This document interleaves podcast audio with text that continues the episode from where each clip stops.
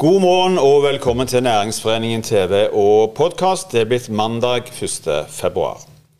Det gamle kontorbygget til Equinor, den gang Statoil hadde stått tomt i flere år, da Fomo overtok bygget for å skape noe helt nytt ute på Forus. Så kom koronapandemien til Norge. Mannen bak Fomo og mye annet, Magnus Øgård Meisal, er vår gjest i dagens sending. God dag. God morgen. Velkommen til oss. Magnus Øgaard Meisal, du, eh, la oss begynne med, med FOMO. Ja. Eh, det er ikke alle som er like fortrolig med, med det. Hva, hva, er FOMO? Ja, FOMO er jo først og fremst et eh, kontorbygg for teknologiselskap. Men mer enn det så er det jo egentlig en destinasjon vi jobber med å bygge. Mm. Skal komme tilbake igjen og forklare litt mer. Men, men uh, si litt om ideen til FOMO først. Ja. Um, vi så jo på, denne regionen som Eh, har, en del utfordringer knytta til at veldig mange av virksomhetene er veldig avhengig av olje- og gasskonjunkturene. Mm. Så når vi skulle prøve å gjøre noe med et så stort bygg, når det i tillegg da sto tomt, så måtte vi skape noe som var helt nytt og annerledes for en målgruppe som på mange måter ikke hadde et sted å gå. Og Da begynte vi med å sammenligne med alle andre store byer i verden. Hva er det de har av miljø som gjør at disse teknologiselskapene ønsker å komme der til. Da snakker jeg ikke om å nødvendigvis konkurrere med lokale selskap som vi prøver å samle til oss rundt her. Men da tenker jeg selskap rundt i hele verden. Hvis de skulle kommet til Rogaland, mm. hva er det de ville sett etter? Og Det vi så gjentatte ganger, var at det å ha på en måte noe i sentrum, det var jo det alle ville ha. Men bygget vårt var jo ikke i sentrum. Så da ble jo konklusjonen at vi måtte skape vårt eget sentrum. Så egentlig så ble det tankegangen vi må programmere dette bygget som om det var en by, med de funksjonene som du ville hatt i en by. Mm. Så det er egentlig litt sånn ideen på en måte kom, kom til. Da. Men overtok dere bygget uten å helt vite hva dere egentlig skulle bruke det til fra starten av? Ja, egentlig. Det var litt sprøtt. du, eh, som sagt, vi skal gå mer inn på eh, hva dette er og har eh, blitt. Men det er jo ikke alle som kjenner deg heller eh, like godt. Si, si litt om eh, din egen bakgrunn. Ja. jeg har jo vært veldig engasjert i mye sånn frivillig arbeid. Det er jo stort sett der jeg har på en måte følt meg hjemme. Eh, når jeg begynte på Universitetet i Stavanger, gikk på byggingeniør, så var jeg med og dro i gang Linjeforeningen for byggingeniør. Starta den der studentbaren Tappetårnet i lag med en veldig spennende gjeng. Mm.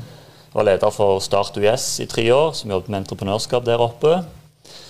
Og så bare balla ting på seg. Så det ble jo ikke så mye tid til studiene. Det ble jo veldig mye andre prosjekt. Og vi hadde jo denne her MyBox, vi bygde noen studentboliger i shippingcontainere. Som var liksom det siste vi gjorde på Ullandhaug før jeg eh, satte i gang og starta eh, med, med co-working og den biten som går på kontor for teknologiselskaper. Mm. Jeg leste at du var fra Klepp, men du høres ja. ikke sånn ut? Jeg har nok blitt litt sånn eh, rund i kantene av å være i Stavanger ganske lenge. Du, eh, Litt tilbake igjen til, til FOMO. Du snakket for så vidt litt uh, om det. Men, men, men det, altså selve inspirasjonen til å etablere det som dere nå eh, er i gang med, har vært i gang med å etablere på Forus, hva, mm. hva, hva, er det på en måte som har vært, uh, som har vært inspirasjonen til det? Altså, uh, Vi prøver jo å skape noe helt nytt annerledes, som på en måte ikke fins fra før. Og da er det da, det er ikke sånn at du kan nødvendigvis bare kopiere noe annet heller. Um, og så er jeg jo veldig tro mot det at skal du skape noe nytt, skal du drive innovasjon, så må du la alle ideer få lov til å vokse en stund. Og det har jo ført til en sånn kultur innad i FOMO der at vi alle i organisasjonen kommer med mange sprø ideer. Så lar vi de ideene måtte vokse ganske lenge.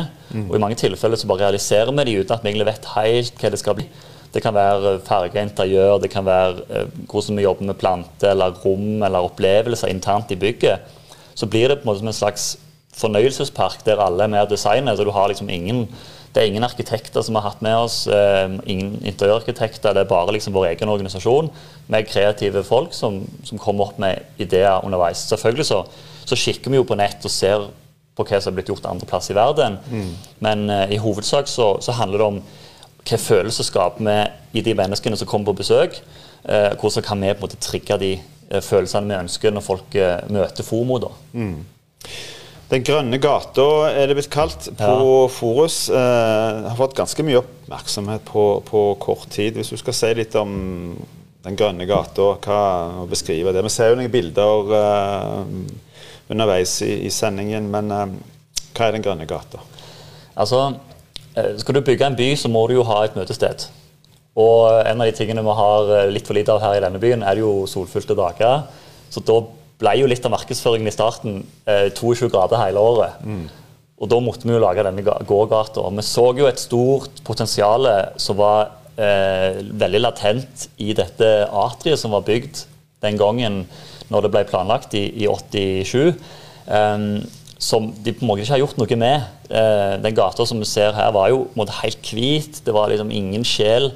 Så det å, å bringe inn eh, byelement i den ble jo liksom det første vi gjorde. Så vi hadde ingen leietakere, men vi begynte å investere masse i denne gata. For vi visste at hvis vi skulle klare å få dette til, så måtte det være en suksess mm. før at folk hadde lyst til å komme og sitte eh, og ha kontor her. da. Men bortsett fra å ha det varmt og godt hele ja. året og slippe regn og vind og blest, eh, hva tenker en ellers? Hva, hva må, må, på en måte være på plass i en sånn type gate? Altså, Først og fremst så er det jo smilende folk. sant? Og det tror jeg vi klarer å skape gjennom først og fremst mye frihet til de ansatte og lage et miljø der at det skal være eh, veldig sånn, Du byr på deg sjøl, og folk kommer inn, så møter du ikke en, sånn en, en, resepsjonist fra Securitas som skal sjekke ID og sånn, men du møter en, en barista som, som, tilbyr deg en kaffe. Eh, har, vi har veldig masse planter, så du føler jo nesten at du kommer inn i sånn drivhus. Mm. Og, og, det i seg sjøl er jo noe som, som, påvirker folk veldig. Alle blir jo glad når de går til et eller annet plantesalg, ikke sant. Så så hele den designen av den gata er jo på en måte den der opplevelsen når folk kommer, at de skal, skal ha lyst til å bli glad. Og det er jo kjempekjekt, syns jeg. Jeg får jo høre det fra de som jobber. De kommer helt uoppfordra bort. og åh, 'Jeg blir så glad når jeg kommer på jobb. Det er så kjekt å komme inn her.' Jeg får liksom motivasjon til å sette meg på kontoret og jobbe. Og Det er jo det, er jo det vi ønsker liksom, den, den gata skal skape. For det er jo inngangsporten. Det er jo her det første folk mm. møter når de kommer på jobb. Det er jo dette rommet. Setter du folk i gang, de blir glade og smiler, og så går opp på kontoret og skal ta telefoner, så blir dagen mye bedre. Mm. Så selger de mer, og de er mer produktive, og de skaper bedre arbeidsklima. En liten by, eh, sentrumsby på, på, på Forus. Men hva, hvor mange er det plass til i denne, denne, lille byen? Ja, det lurer jo vi òg litt på. Eh, nå har vi 500 ansatte som har kontor, som vi har eh, flytta inn det siste året. Vi har jo iallfall plass til 500 til. Jeg tror når Equinor satt der, så var det vel 1200 på det meste. Mm. Men så bygger vi jo mye av de eh, så Fellesarealene de bygger vi jo om til å bli en sånn eh, som har lagt en foodcourt. Og vi vil jo at de skal være eh, tilrettelagt for at du kan ta de der bedriftsmøtene. Når du inviterer kunder og klienter, så kan du ta dem med på FOMO. da. Mm. Så det vil jo være kanskje en 200-300 drop-in hver dag regner vi med når ting er liksom oppe og går. da. En by er jo åpen 24 timer i døgnet. Er det ja. sånn der ute òg? Ja, vi har åpent eh, hele døgnet for de som jobber der. Men det er jo ikke noe tilbud selvfølgelig eh, mm. på nattestid helt ennå. Dere, eller du har, eh, eller I forbindelse med dette så har han vært også, uh, veldig opptatt av, uh, av, av gjenbruk. Altså gjenbruk. Ja. Dette er jo et, uh, et kontorbygg som i utgangspunktet har stått noen år. Hvorfor det? Altså, hvorfor opptatt av gjenbruk, og på hvilken måte? Altså, det er jo en veldig logisk forklaring på mange måter. Når du, vi har jo kjøpt bygget som eier og eiendomsmassen sjøl, og så mye eiendom står tomt, du skal finansiere det på et eller annet vis, mm. så blir du litt tvungen til å tenke litt nytt i forhold til hvor mye midler du presser inn i den, de kvadratmeterne du skal pusse opp. Og I tillegg så hadde jo bygget vanvittig gode kvaliteter, for det var jo bygd på ei tid der at uh, penger ikke var så relevant.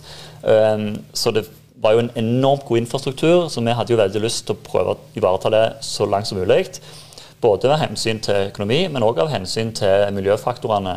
Så innså vi jo veldig fort at sånn, ei dør eh, i heiltre fra 1987 med et strøk maling er jo omtrent helt like som en ny dør, og de aller fleste ser ikke forskjell. Så begynte vi heller å, å lage et nesten sånn samlebånd av, av måte, reproduksjon mm. av materiale som vi trengte. Vi har gjenbrukt vindu, dører eh, og, og, mange andre material rundt omkring i bygget. og Det vi ikke kan bruke, det lager vi kanskje noe kunst av. Sånn at mm. eh, altså, avtrykket som bygget får da, sånn klimamessig, blir jo veldig lågt. Du var inne på det. Eh hvorfor satse på Forus eh, fremfor eksempelvis Stavanger sentrum eller andre, Ja. andre sentrumssteder? Ja. Jeg fikk det samme spørsmålet fra, fra Sandnes kommune faktisk, når jeg hadde et foredrag der. og Svaret er jo ganske enkelt. Vi har jo 34 000 kvadratmeter. Og det er ikke så veldig mange sentrumsbygg som har så mye areal på samme sted, og som er, og som er godt connecta, og i tillegg står tomme. Så da må du jo finne en plass å bygge det. Og med en gang du skal bygge nytt, så ødelegger du den ideen om gjenbruk. Når Forus har så mange hundre tusen kvadrat som står tomt, så blir det jo tåpelig å bygge nye bygg før vi har måte fått brukt opp og fulgt opp de vi har. tenker jeg da. Vi må si litt om de bedriftene. Eh, Du sa det var 500 på plass. Ja, det er ansatte. Det er vel 70, litt over 70 selskap. Hvem, hvem er disse selskapene? Hva, hva, hvilke bedrifter er det som finner veien til, til FOMO? Er det, Ja. og Setter dere noen betingelser for å få lov å etablere seg her? Vi har faktisk eh, noen sånn, eh, en sånn indre valgkriterier da, som vi går gjennom i forhold til seleksjon. Eh, og det har jo mye med at vi er veldig tro mot at vi vil bygge opp et teknologimiljø for selskap som enten lager hardware eller software. Men det er jo mot, mot software-dreiningen vi ser at uh, langsiktige verdiskapingen vil ligge. Eh, og der har vi vært ganske tro mot helt fra starten. Og det finnes utrolig mange veldig gode selskap som er i det segmentet, som begynner å, å komme fram, som vi ikke har måte visste om. Uh, men vi ante at det var en del sånn lå i det der skaleringssjiktet um, så når, når vi starta. Og kan jo nevne litt av de større som har kommet òg i det siste. Easy er jo et av de som nettopp har flytta inn og tatt et helt bygg. Eh, Boost AI, eh, som er et veldig spennende software-selskap. Og Easy med den hardware-biten sin. Eh, og, det viser jo på en måte hvordan denne oppstillingsevnen omstillingsevnen i regionen nå på en måte skyter litt fart. da. Så har vi en haug med selskap som er enda litt mindre men som gjør det veldig bra, som vi kommer til å se mer om framover. Og de kommer jo til FOMO av den enkle grunnen at hvis du skal rekruttere de beste ansatte, så må du òg ha det eh, beste arbeidsmiljøet. Og vi tror jo at arbeidsmiljø det er synonymt med farger og planter og trivsel. Og det har vi òg på mange måter fått bekrefta gjennom de som har flytta inn. Sykefraværet har gått ned, og, folk trives mye bedre på jobb enn de gjorde før. da.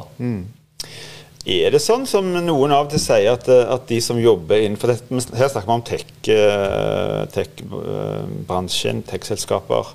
Eh, Er det sånn at eh, de litt, de som er ansatt i den type selskap, har litt andre preferanser enn en mange av oss andre i forhold til kontor, kontormiljø, hvor en ønsker å, å, å jobbe henne?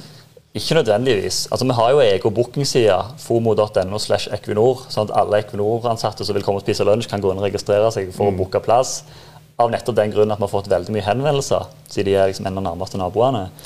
Men eh, jeg, jeg tror egentlig at alle ønsker å, den der dreiningen mot det naturlige, altså mot å være i en verden med farger og, og i masse positive impulser. Jeg tror alle egentlig ønsker å komme inn i en sånn type verden når du har den, når du har den pausen.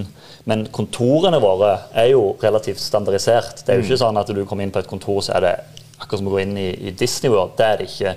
Så at det, vi har jo en balanse i det. Så jeg tror nok de aller fleste sånn vil jeg si, er ganske normale mennesker. Men det som er viktig å få fram her, er jo at det der uformelle møtestedet du skaper rundt kaffemaskinen, i denne foodcourten som vi har skapt nå, og de tingene, det gjør at selskap som er relativt små, da, kanskje sånn fire til ti ansatte, de, de treffes mer på tvers, og de bygger relasjoner. Og det er de relasjonene som blir tror jeg, avgjørende for den omstillingsevnen som denne regionen her kan få i framtida. Ja, for Det var egentlig mitt, eh, mitt, mitt neste spørsmål. Er det sånn at en, at en velger denne formen for etablering sammen med, i et miljø sammen med en rekke andre selskaper fordi at en, en ønsker på en måte å utnytte både eventuelt kompetanse eller eh, engasjement, eller hva det måtte være? Altså At, en, at har en, det har en verdi i seg sjøl i forhold til å, å dele å dele, om ikke selve kontorlokalet, men i hvert fall arbeidsomgivelsene. Ja, absolutt. Og vi har jo fått eh, allerede selskap som har flytta ned fra Bergen til, nå til Forus, fordi at de ser at det er lettere å komme i kontakt med andre miljø. Pga. nettopp det at eh, vi klarer å samle såpass mange selskap. Og Det er jo litt av grunnen til at vi er veldig tro mot òg. Og kan høres litt stygt ut, men vi sier jo nei til selskap òg, selv om vi egentlig ikke ønsker det. Men det har rett og slett med at konkurranseevnen vår lokalt tror jeg på mange måter avhengige av om vi klarer å lykkes med å samle selskap som har synergier med hverandre. Mm. Det er jo en grunn til at folk reiser til andre tech-hovedstader eh, rundt i verden for å etablere kontor. Det er nettopp at der er det mange bedrifter, der har du det nettverket. Men har det vært en utfordring Vi innleder litt å si dette, dette er jo en olje, har tradisjonelt vært en olje- og gass, eh, gassregion. Har det vært et problem å og kanskje av den grunn òg å, å, tiltrekke seg eh, den type selskap, den type kompetanse til regionen gjennom åra? Eh, det vet jeg egentlig ikke. Jeg har jo jobba veldig lite med olje og gass. Så jeg syns det er litt vanskelig å svare på akkurat det spørsmålet. Ja, men jeg tenker i forhold til tech-bransjen. Ja. Det, mm, har vi gjort for lite? For, måte, har vi hatt for um, dårlig grunnlag for å kunne tiltrekke oss de selskapene som uh, kanskje ja. ønsker? Ja, altså vi har jo strengt tatt ikke hatt noe behov for det. sant? Mm. Eh, og på eiendomssida så har du jo Sitter du på ei tomt, bygger et stort kontorbygg, eh, så trenger du jo nesten ikke gjøre annet enn å tilfredsstille TEK10, ikke sant? og så kommer jo på en måte leietakerne av gårde. For det, plutselig så skal de ansette 200 mann for et stort prosjekt ute i Nordsjøen, ikke sant? og så må mm. de ha de bygga. Og da blir jo ikke innholdet i bygget i, i, i større grad særlig, særlig fokus. sant? Og Det er jo det som på en måte skyter oss litt i foten nå, når det står mye tomme bygg som er bygd fra en tid der det var bare å fòre inn med folk fordi du trengte tak over hodet. Nå blir konkurransen en helt annen. Folk er nødt til å snu seg litt mer rundt. Og, og, vi har ikke de byggene og de kvalitetene som, som teknologiselskap egentlig er på utkikk etter. Iallfall hvis du ser, du ser internasjonalt på det. Men Hvor viktig er det å tiltrekke seg en større si, både andel av den type bedrifter til denne regionen? Hvor, hvor mye betyr det for, for, regionen, vil du si? Ja, altså Harald Minge hadde jo en interessant analogi i et møte husker jeg for en del år siden. Han sa at det eneste som er mer lukrativt enn olje og gass, er narkotika. Og Det er veldig mye sant i det. Og, men det er én ting som er mer lukrativt enn olje og gass igjen, og det er jo software. ikke sant? For du har en mann som programmerer en time, så kan den koden selges 10 000 ganger. Mm. Eh, har du en tømrer, så har han gjort jobben sin når han er ferdig i den timen. Så har du kanskje verdiøkningen på det huset eller det som du kan få langsiktige verdier ut av. Så det, softwarebransjen har så enormt mye mer skaleringsevne i forhold til den innsatsen du putter inn. at Hvis vi skal klare å holde liksom, den levestandarden som vi har i dag, med de samme innsatsfaktorene som vi har, så er vi nødt til å jobbe med bransjer som har det potensialet. Og det finner du i software. Du finner det jo i olje og gass, en del andre teknologier. Men det er mange andre ting som politikerne snakker om at vi skal bruke tid på, som ikke dessverre har det skaleringspotensialet, mm. som gjør at vi blir nødt til å gå ned i lønn og jobbe mye mer for å klare å ha den samme levestandarden. Og det vet vi jo at de færreste ønsker. Magnus, tida går utrolig fort. Men, men, bare si litt om eh, i forhold til det du nå sa. Hva, hva vil ditt, deres bidrag eh, være, bortsett fra å rekruttere flere, flere bedrifter til, til FOMO? Hva, hva, planer har dere fremover? Ja, altså I uh, fjor så etablerte vi Slingshot, som er et non-profit AS, der vi kanaliserer inn midler sammen med PwC og Sparebanken Vest for å skalere selskap som vi har tro på kan være med å skape disse arbeidsplassene innenfor nye teknologier. Og Målet der er 200 arbeidsplasser i året. Og Det skal vi måle på helt konkret. Og Nå har vi kjørt fire selskap gjennom og har en runde til med fire til nå. Så det er liksom vårt måte, bidrag for å prøve å gjøre en forskjell, i alle fall. Siste spørsmål. Eh, hva, hva, hva, drives du av? Jeg syns det er bare kjekt å se folk smile på jobb. Enkelt og greit. Alt? Det er det. Alt. Jeg elsker det. Magnus Øgaard Meisal, tusen takk for at du kom til oss, og lykke til. Tusen takk. Takk for at jeg fikk komme. Da var denne sendingen òg slutt. Takk for at du så på oss. Vi er tilbake igjen i morgen på samme tid. I mellomtiden, hold avstand, ta godt vare på hverandre.